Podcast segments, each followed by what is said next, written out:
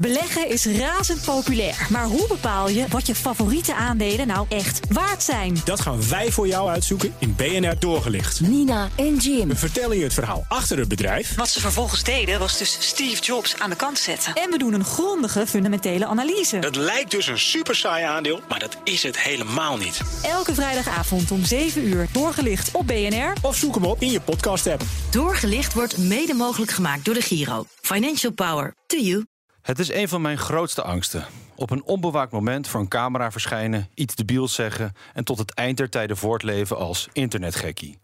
Want in tegenstelling tot onze vertrekkende premier heeft het internet wel actieve herinneringen.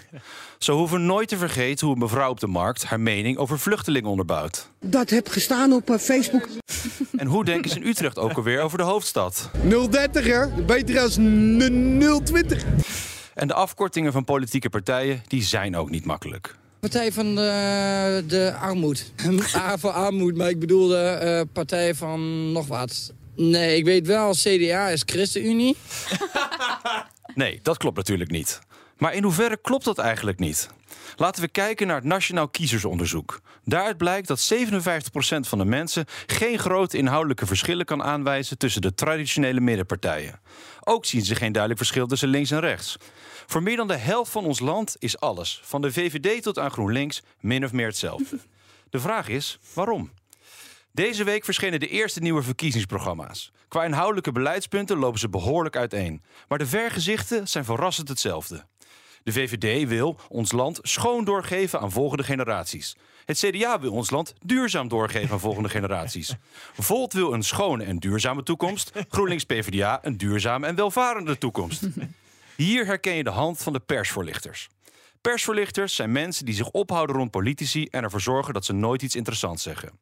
Hun taal is grammaticaal correct, maar er mist iets. Het is als een maaltijd zonder kruiden, muziek zonder gevoel of trouwgeloftes die zijn geschreven door ChatGPT.